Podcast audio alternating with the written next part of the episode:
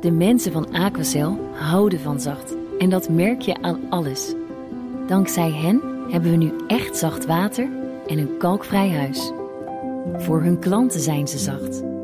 Dat zijn ze trouwens ook voor elkaar. Voor ons zijn zij de kracht van zacht. Aquacel. 100% zacht water, 100% kalkvrij. Hey, goed dat je luistert. Wij van BNR Beurs denken dat deze podcast ook wel iets voor jou is.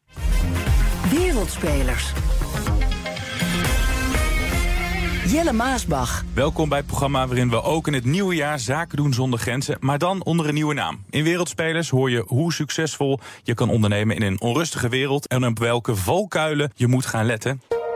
We beginnen met het belangrijkste nieuws op het gebied van internationaal ondernemen. Opnieuw een klap voor chipmachinefabrikant ASML. Nederland trekt een exportvergunning naar China in. Bepaalde machines mogen niet meer geleverd worden. Dat gebeurde onverwachts in december, maar werd deze week bekend. Over deze geopolitieke zorgen praat ik met Erik Schouten van Diami Security Intelligence, veiligheidsadviseur en oud-medewerker van de AIVD. Ja, het is een hele mond vol, eh, Erik. Je hebt ook zoveel uh, gedaan. Ja. dit bedacht de Nederlandse regering niet zelf, maar dit is allemaal onder druk van de Amerikanen gebeurd. Waarom gaat Nederland uh, hierin mee? Nou, Nederland gaat hierin mee omdat uiteindelijk de druk van de Amerikanen te groot is geworden, natuurlijk. Um, Amerika wil heel erg de rem zetten op de zelfstandigheid van China om de productie van chips te maken. Uh, en dat doen ze omdat ze bang zijn dat ze een nog grotere militaire grootmacht worden.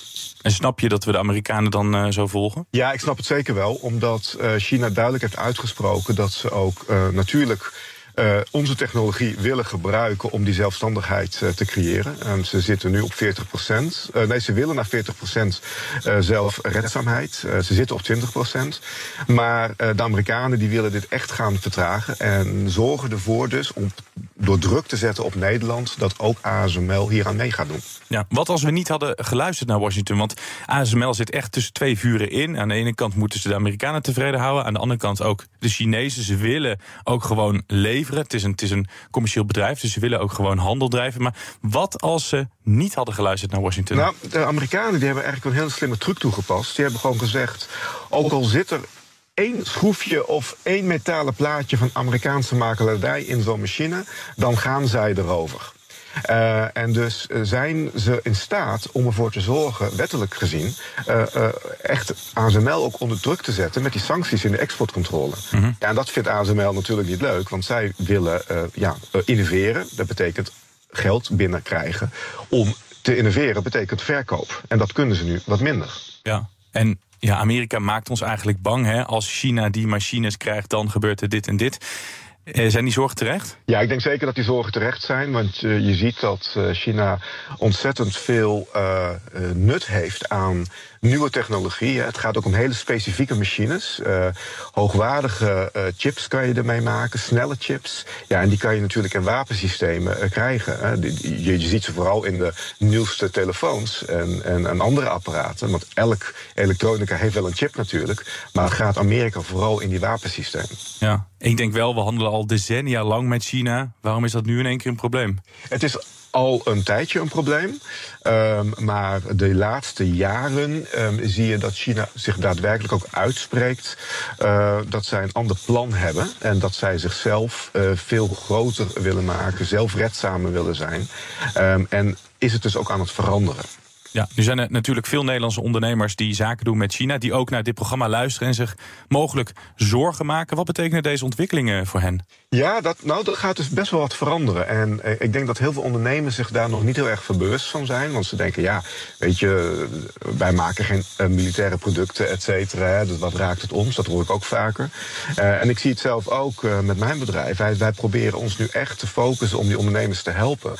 omdat die onzekerheden te zijn. Het gaat ook om kennisveiligheid. Het gaat ook om de sancties die je plotseling kan krijgen als ondernemer in het buitenland, omdat jij niet voldoet aan de lokale wetten van China. En dan heb je natuurlijk ook nog het mensenrechtenaspect wat, wat speelt in China, waar je ook nog rekening mee moet houden met je uh, sustainability goals en, en dat soort zaken. Dus er komt echt wel wat bij kijken met ondernemen in China. En dat onderschatten we misschien. Tot slot, wil je ze nog wat uh, meegeven, die mensen die zich mogelijk uh, op dit moment zorgen maken over het handelen met China?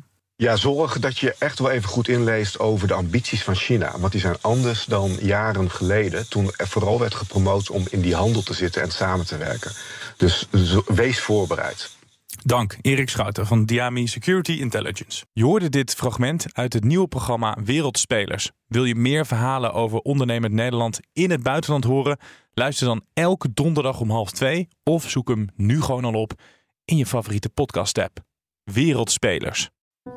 De mensen van Aquacel houden van zacht. En dat merk je aan alles. Dankzij hen hebben we nu echt zacht water en een kalkvrij huis.